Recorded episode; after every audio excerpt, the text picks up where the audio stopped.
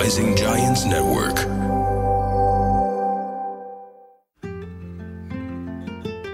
يا هلا والله وأهلا وسهلا بكم بحلقة جديدة في لحظة مع ميس. واليوم رح نتكلم عن الكآبة. فإذا أنت أو أنت تواجهون هذه المشكلة من خلال القصة اللي رح نسمعها وأكيد الحكمة اللي بيها احتمال الكآبة بوف تختفي. فما رح أطول عليكم. خليني أقول لكم القصة. كان في شاب صغير بالعمر دا يواجه مشاكل كثيرة بحياته ودخل في معمعة الكآبة. ويوم عن يوم الكآبة دا تزيد الحزن دا يزيد وما دا يعرف يطلع من عندها. مثل ما يقولون he was digging his own grave دا يحفر قبره ودا يحط نفسه بيها من خلال الكآبة. فقرر يريد يلاقي حل لهذا الموضوع. فوصوه قالوا له تروح عند واحد استشاري مشهور تروح عنده هذا رح يساعدك تتخلص من الكآبة. قال خليه يجرب حظه. المهم هذا الولد راح وقعد عند هذا الرجال اللي كله وزدم يعني. قال له كيف الإنسان يقدر يتخلص من الكآبة؟ فسأله سؤال. قال له قبل ما أقول لك الطريقة خلينا أول شيء نتعرف عن السعادة والكآبة بنفس الوقت. أو نقدر نقول السعادة والتعاسة. فقال له أوكي. قال له شو السعادة بالنسبة لك؟ قال له السعادة بالنسبة لهذا الولد جاوب. قال له السعادة بالنسبة لي لما يكون عندي فلوس لما أهلي وأحبائي يكونون جنبي ولما كل شيء في حياتي يكون ماشي بخير وتمام. قال له أوكي. شو التعاسة بالنسبة لك؟ يعني العذاب. قال له لما ما يكون عندي فلوس أهلي وأحبابي ما يكونوا حواليا. وثالث شيء لما الأمور حواليا وبهالدنيا تكون أبوابها مسكرة. فجاوب هذا الاستشاري قال له عزيزي أنت ما فهمت معنى السعادة والتعاسة. لازم أول شيء تفهم شنو هو السع... شنو هي السعادة وشنو التعاسة حتى تعرف كيف تقدر تتخلص من الكآبة وتكون سعيد؟ فاستغرب هذا الولد. قال له أنا جاوبت على السؤال. أنت سألتني شو اللي يسعدني؟ وأنت سألتني شو اللي يقهرني أو يكون تعاسة بالنسبة لي. فوين الغلط بالموضوع؟ قال له كل أجوبتك بناء عن أشياء خارج جسدك. بناء عن أشياء خارج سيطرتك اللي هم اللي هو المال الأهل الأصدقاء الحبايب آه، الأمور اللي تصير في حياتك. بس السر الحقيقي عن المشاعر التعاسة والسعادة والفرح والألم كله يأتي من الداخل وليس من الخارج. المال ممكن يروح ممكن يجي بس اللي يسعدك هو أنت واللي يتعسك هو أنت أو يخليك تعيس. ألفت كلمة جديدة يتعسك الشاب بهذه القصة قال شيء جدا جميل. قال له شلون تريدني أكون سعيد لما كل شيء حواليا قاتم أسود؟ أهلي ما عندهم فلوس أوضاع البلد تعبانة الأبواب اللي بحياتي كلها مسكرة. من وين أجيب هالسعادة؟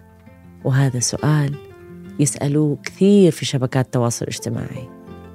يقول يا عمي هذه بطرانة تتكلم عن الإيجابية بس هي مو عايشة حياتي اللي عبارة عن سواد وكل الأبواب مسكرة. فالجواب الجواب اللي جاوب إياه من ذهب. إذا تركز على النعمة اللي عندك إياها حاليا وفي هذه اللحظة بدل ما تركز على التعاسة والسواد اللي أصلا موجود بحياتك مشاعرك رح تتغير. لأنه السعادة تنصنع بداخلنا والتعاسة والحزن والكآبة بعد من إيدنا مش من البيئة اللي حوالينا. البيئة ما تزرع التعاسة والحزن اللي بينا. البيئة مجرد بيئة. منظورنا اتجاه هذا البيئة أو اتجاه هذه البيئة هي اللي تحدد إذا إحنا سعداء أم إحنا شايفين الدنيا سودة ونحس بالحزن. فيا جماعة الخير أخذوا لحظة. أريدكم تركزون.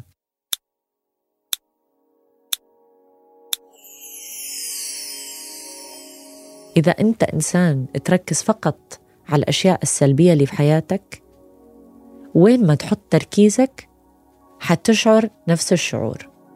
يعني إذا حطيت تركيزك في الأماكن السلبية اللي في حياتك. شو راح يصير؟ راح تحس بالحزن راح تحس بالتوتر راح تحس بالعصبية وما راح تشوف النور. ولكن إذا رغم التعاسة اللي حواليك قررت تغير تركيزك وتركز على الأشياء اللي تريدها بحياتك اللي هو عكس السواد. مثلا للناس اللي آه، في بيئة آه، جدا سامة أو سوداء. أعطيكم مثال. أهلهم ما عندهم فلوس وكل أبواب العمل ده تسكر بوجههم. وين يبدل تركيزه؟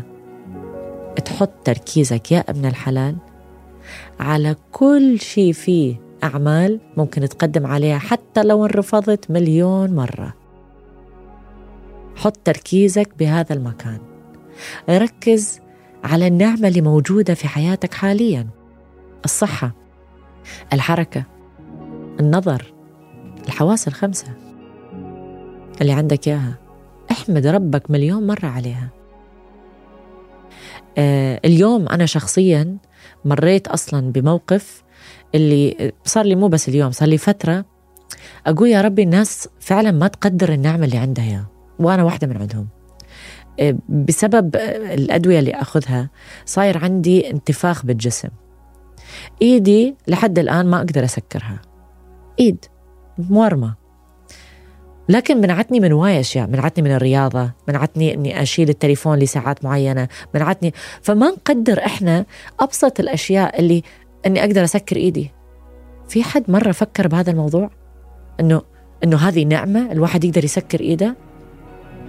لحد ما الأشياء تروح من عندنا نقدرها. ليش؟ ليش ننتظر المصيبة تجي حتى نقدر اللي عندنا يا حالياً؟ فأني والله يعني أشوف إيدي أشوف آه، أطفري أشوف الرمش اللي بعيني وأقول ألف الحمد لله. حتى لو إيدي ما تسكر مية بالمية بس الحمد لله أصابعي موجودة. يعني رغم الألم في أمل. وهذا اللي أريدكم تركزون عليه. مثل ما أنا سويت بهذه اللحظة. إنه رغم الألم اللي موجود رغم ال ال البيئة مال الإيدين اللي أصلا اللي بداخل جسمي سيئة ولكن تركيزي إن الحمد لله أصابعي موجودة. لما نتغير منظورك اتجاه أي شيء في الحياة صحتك أهلك عيشتك شغلك كل شيء يتغير.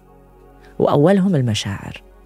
فإذا أنت تمر في حالة كآبة صدقني لا حبوب كآبة ولا كل هالمعمعة اللي تفوت بيها. أول خطوة حتى تطلع من الكآبة تغير تفكيرك ومنظورك لأنه أساس الكآبة هو تركيزك ومنظورك اتجاه الأشياء السلبية. أعمل شفت حول. حط اللي أنت تريده بالأماكن الصح حتى لو عندك عشرين درهم بجيبتك. مفلس مش عندك عشرين درهم؟ أحمد ربك. غيرك ما عنده. مش عندك القدرة إنك تمشي مش عندك القدرة إنك تتكلم مش عندك القدرة إنك تعمل حتى تجيب أموال أكثر قول ألف الحمد لله. لأن عندك القدرة إنك تجيب حتى لو حاليا ما عندك. هذه العقلية ونمط التفكير يتطلب جهد يتطلب تركيز يتطلب آه، وقت وجهد من عندك. جهاد النفس إنك تطبقها بحياتك. لا تتوقع إنه هذا التفكير يجي من صحن ذهب وإنت رح تصحى كل يوم الصبح ورح تكون عقلك اللاواعي شغال اوتوبايلوت لا. لازم تشتغل على هذه العضلة مثلها مثل أي عضلة بجسمك. تركيزك قبل ما تنام أول ما تصحى من النوم يكون على الأشياء اللي تريدها. وارجع أرجع أذكركم. الأشياء اللي تريدوها ولكن من غير تعلق. آه يذكرني بحلقة تكلمت عنها من غير التعلق. تعرفون أنتو The Secret قانون الجذب. نقول لك كل الناس تتكلم عنه بس ليش مو كل الناس تقدر تطبقها بحياتهم؟ لأن قانون الجذب يمكن السر اللي اللي مو أيا ناس تعرفها فخليني أعرفكم عليها كختام الحلقة. ولو هذا موضوع ثاني بس أعطيكم بس جزء من عنده. يقول لك إذا تريد تحقق أي شيء بحياتك أهداف أحلام ممكن حتى المشاعر الحلوة السعادة تكون هدف بدون تعلق. لأنه لما الواحد يتعلق بأي شيء في حياته حتى لو كان إيجابي التعلق يعتبر سام. ليش؟ لأنه التعلق يصير سلبي. يكون بمجرد أنك تريد أموال. أريد أموال أريد أموال أريد أموال. طريقة التفكير تسبب لك توتر. ما دام طريقة تفكيرك دا يسبب لك توتر بسبب التعلق اللي دا يصير مع الشيء اللي أنت تريده ما راح توصل له. وهذا قانون الجذب ما راح يشتغل. فإذا تريد قانون الجذب يشتغل أول خطوة أنك تقرر شنو تريد بحياتك حلم وما تتعلق فيه. تحط الصورة أمامك تعمل اتجاه هذا الهدف. صار صار ما صار كان به. وبهذه الطريقة الذبذبات تساعد أن تجذب الاثنين مع بعض. بس أول ما تتعلق بالشغلة بوف تضيع بين إيديك. حتى الناس اللي تلعب قمار. لما يتعلق بيها فلوسها تروح. لما ما يتعلق بيها تلاقي هذا المحظوظ اللي يجي يحط له هذه الآخر خمس دراهم اللي عنده وما بتعلق جتي جتي ما جتي هذا وتلاقي كل الفلوس جت عنده. ليش؟ لأنه بدون تعلق. طبعا هذه مثال دا أعطيكم إياه بس أي شيء تريده بحياتك لا تتعلق به. خليه يكون موجود كهدف. بهاي الطريقة ما في شيء اسمه التعلق السلبي. هذه كانت حلقة اليوم بهواي حكم بصراحة ما تخيلت راح تطلع حلقة حكم من عندي من وراء هاي القصة البسيطة. أشوفكم بالحلقة الجاية. ترى قربنا على حلقة مية ففي حماس. شنو تتوقعون حلقة مية راح تكون؟ إذا ما شفتوا حلقات البقية في لحظة مع ميس أنصحكم تروحون تشوفوها أه وأشوفكم بالحلقات الجاية.